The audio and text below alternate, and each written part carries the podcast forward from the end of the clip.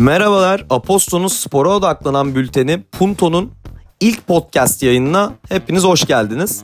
Bugün hazırladığımız haber bülteninin detaylarını inerek sizlere en şeffaf şekilde haberleri aktarmaya çalışacağız. Kısaca Punto'dan bahsetmek gerekirse Punto herkese cuma günleri saat 1'den itibaren kısaca ve akıcı bir şekilde haberleri aktarmaya çalışacak. Biz de bu noktada sizlere dünyada yaşanmış haberler, Türkiye'de neler olup bitiyor ve bütün sporla alakalı e, önemli noktaları belirledik. Dilerseniz haftanın olayıyla topu Umutay'a atayım. Ancak son dakika gelişmesi geldi. Onu paylaşmam gerekiyor. Cruze sözleşmesini tek taraflı olarak feshettiğini açıkladı ve bununla beraber Fenerbahçe'yi ilgilendiren bir haber ise Obradovic'in durumu hala da e, belirsizliğini korurken genel olarak Bein Sports'un da vurguladığı son habere göre taraflar anlaşmaya yakın olduğu söylendi. Dilerseniz haftanın olayıyla Umutay'a sözü verelim.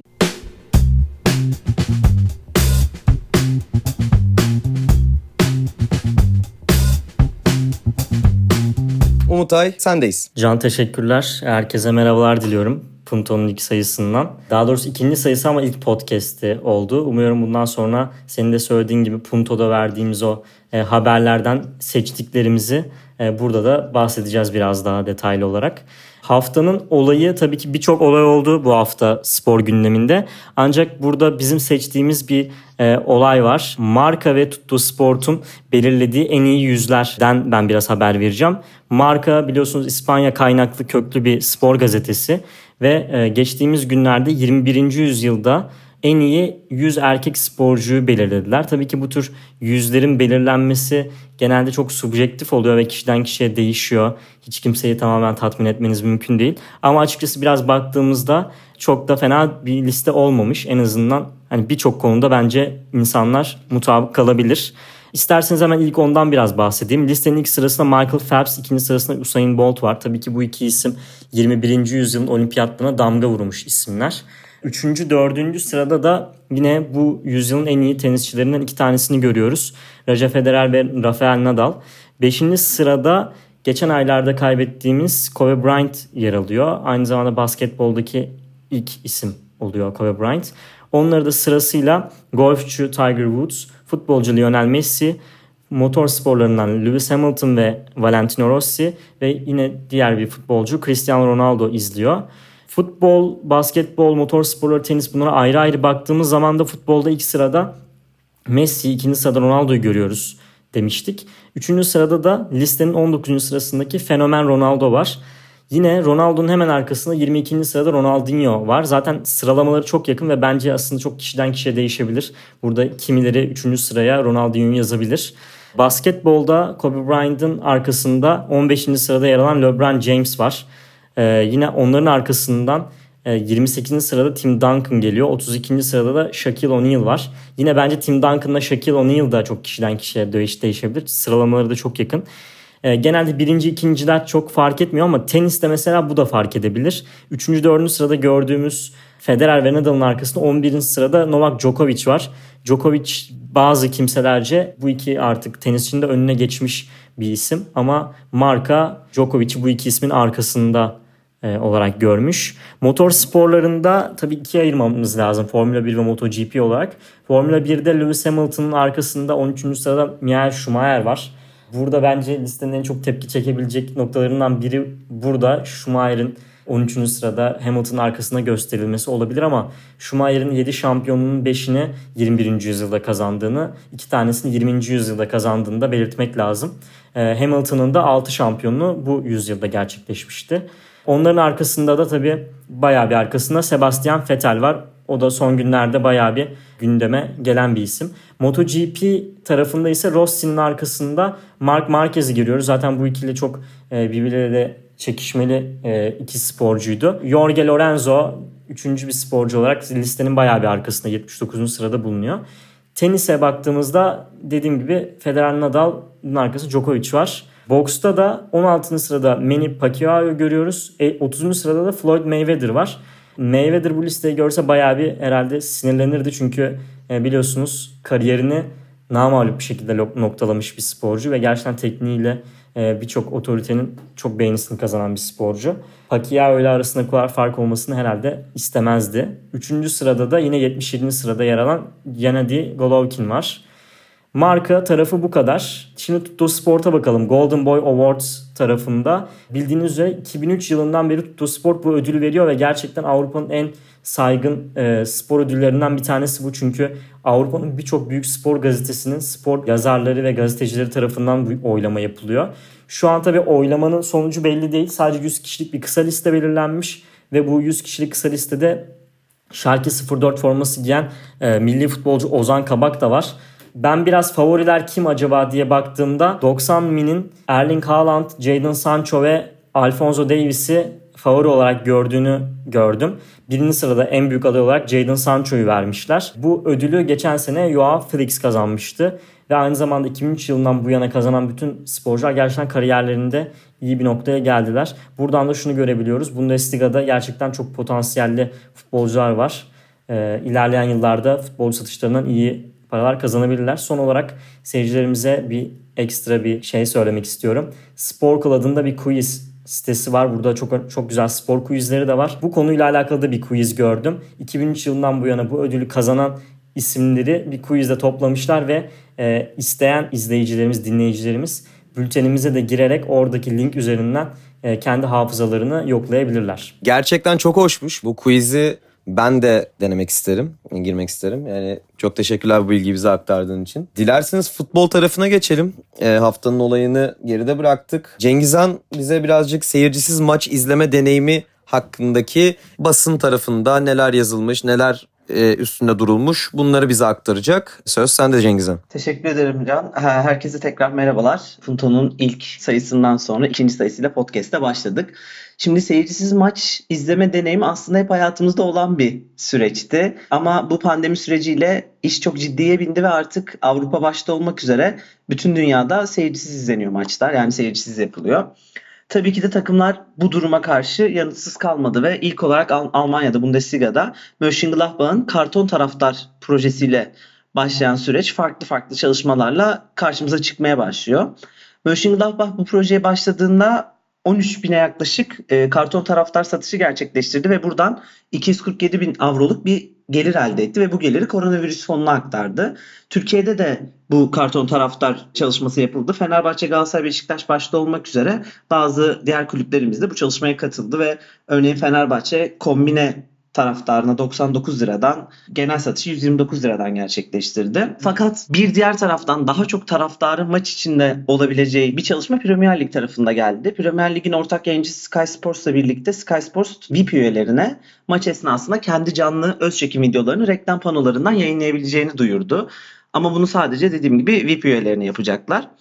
E, Tottenham ise bugün karşılaşacağı Manchester United karşılaşmasında kendi taraftarlarına özel canlı maç duvarı e, yapacağını duyurdu ve buradan kendi taraftarlarını maç esnasında maçın içine bir şekilde adapte etmeye çalışacak. Diğer taraftan da Türkiye'de de olduğu gibi Premier Lig'de dışarıdan FIFA oyunuyla anlaştı. FIFA oyunu, oyunuyla birlikte Premier Lig maçlarında FIFA oyununun seslerini kullanacak ve bu şekilde televizyon karşısında maç izleyen taraftarlara bir şekilde maç atmosferini yaşatmaya çalışacak diyebiliriz. Ben bu seyircisiz maç deneyimi konusuna farklı bir yönden de bakmak istiyorum.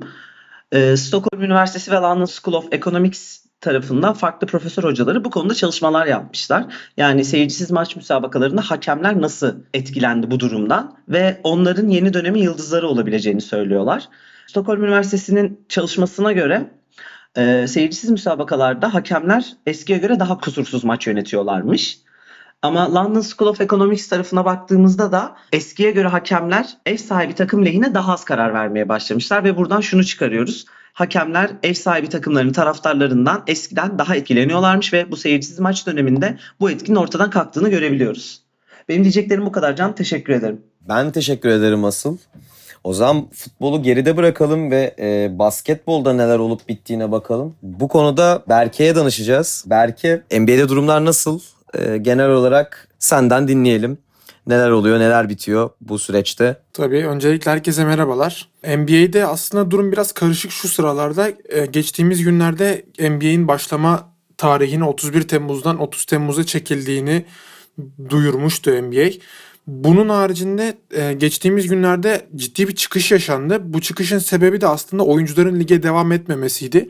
Kyrie Irving başta olmak üzere birçok sporcu bunların başında da dediğim gibi Kyrie Irving ve Chris Paul gibi süperstar oyuncular geliyor. Bu oyuncular e, lige çıkıp maç oynamak istemediklerini belirttiler ve bu çıkışlarının sebebini de aslında şu anda Amerika'da olan ırkçılık karşıtı protestolara bağladılar. Yaklaşık 80 kadar bir oyuncu Kyrie Irving'in çıkışını desteklediğini söyledi.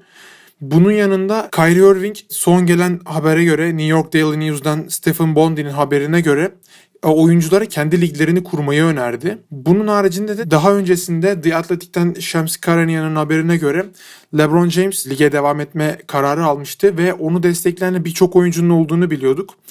Ayrıca oyuncuların maça çıkmamayı tercih etmesinin birçok sebep doğurabileceği bir gerçek.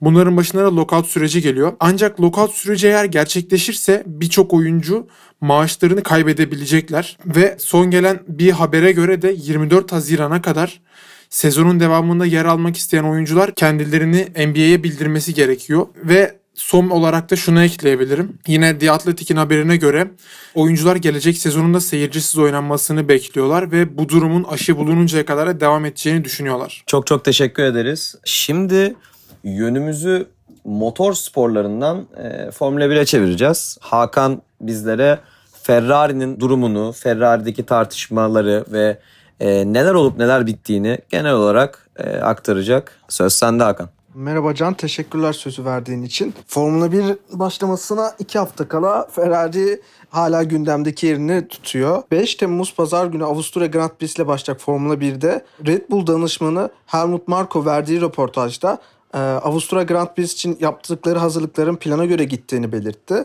önümüzdeki 2020 sezonu için şampiyonluk için olacak rekabetin Mercedes ile Red Bull arasında geçeceğini ifade etti. Bu ifadelerinden bahsederken de Ferrari'ye de taş atmaktan da geride kalmadı. Ferrari'nin ön tarafta savaş verebilmesi için iyi bir aracı olmadığını düşünüyor Helmut. Bunun dışında geçtiğimiz günlerde de FIA Başkanı Can Todt da 2007 yılından beri şampiyon olamayan Ferrari takımının e, şampiyon olamama sebebinin uzun bir süredir iyi bir araca sahip olamamasına bağladı. 2007'de en son Raikkonen'le şampiyon olmuştu Ferrari takımı. Jean Todt açıklamasında 1996'dan 2000 yılına kadar olan ki dönemde de Michael Schumacher'le yine takımı iyi bir araca sahip olamamasından kaynaklı şampiyon olamadığını fakat iyi bir araca sahip olduktan sonra Schumacher'le beraber şampiyonlukların geldiğini ifade etmişti. Yani gündemimizde Ferrari iyi bir araca sahip olması da rekabetçi olması da gündemdeki yerini her zaman koruyor Ferrari diyebiliriz Can. O zaman çok çok teşekkür ederiz. Tenis tarafına geçelim. Evet e, Hakan'a motor sporlarından dolayı çok teşekkür ediyoruz ama tenis konusunda da çok engin bilgilere sahip olan Hakan'dan tenisteki oyuncu paraları, maaşlar ve genel olarak bu durum hakkında bir bilgi alalım. Sendeyiz Hakan tekrardan. Mart ayından beri e, hiçbir profesyonel tenis turnuvası düzenlenmedi pandemi boyunca. Gittikçe normalleştikçe de turnuvaların Şampiyonlar Ligi'nin basketbol turnuvalarının NBA'in geri dönmesiyle de tenis turnuvalarının geri dönmesiyle de ilgili tartışmalar gündemdeki yerini koruyor diyebiliriz. Tecrübeli İspanyol tenisçi Feliciano Lopez tenis dünyasını pandemiden sonra yeni bir dönemin bizi beklediğini ifade etti. E, Lopez artık pandeminin küresel ekonomik boyutlarının e, şirketlerin mali durumunu da etkilediğinden dolayı turnuvalara sponsor olacak firmaların daha az bütçe ayıracağını düşünüyor ve sponsorlukların azalmasıyla da turnuvaların sunduğu para ödüllerinde de önemli bir düşüş beklediğini ifade etti Lopez. Pandeminin ekonomik boyutunun tenis dünyasının etkilerini de e, geçen günlerde Amerika Birleşik Devletleri Tenis Federasyonu'nun kendi çalışanlarını işten çıkarması ve e, New York'taki ofisini kapatmasıyla da e, tecrübe etmiştik. Tenisteki gündemdeki son durum bu şekilde Can. Çok çok teşekkürler tekrardan.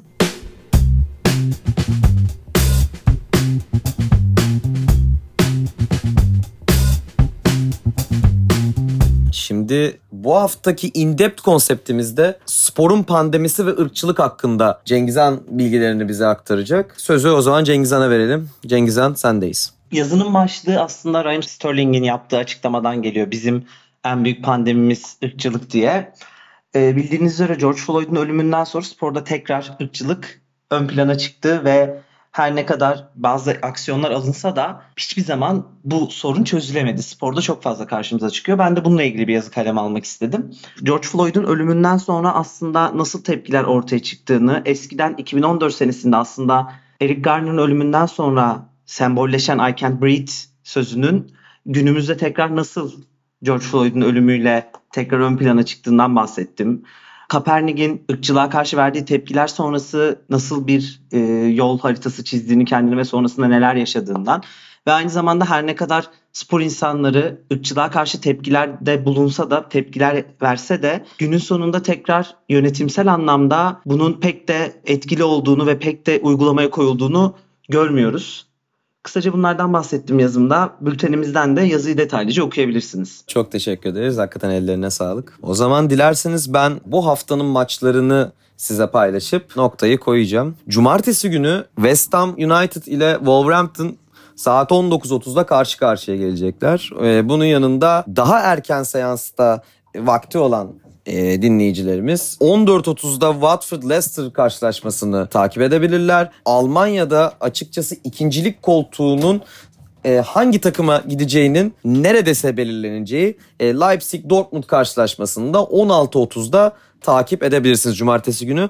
Pazar gününe geçecek olursak açıkçası maç kalitesi olarak e, pazar gününü biz ekip olarak çok daha fazla beğendik. Saat 8.30'da İtalya Serie A'nın en çok gol atan takımı 70 golle Atalanta'nın Sassuolo önünde mücadelesi olacak. Ancak saat 9'da 21.00'da Everton Liverpool Merseyside derbisi oynanacak e, Premier Lig'de. İki maç arasındaki yarım saat açıkçası bir futbola bir antrenman gibi çok kıymetli olabilir sizler için. Ve son olarak e, pazar gününün kapanış maçında Real Sociedad Real Madrid ile karşılaşacak saat 23'te.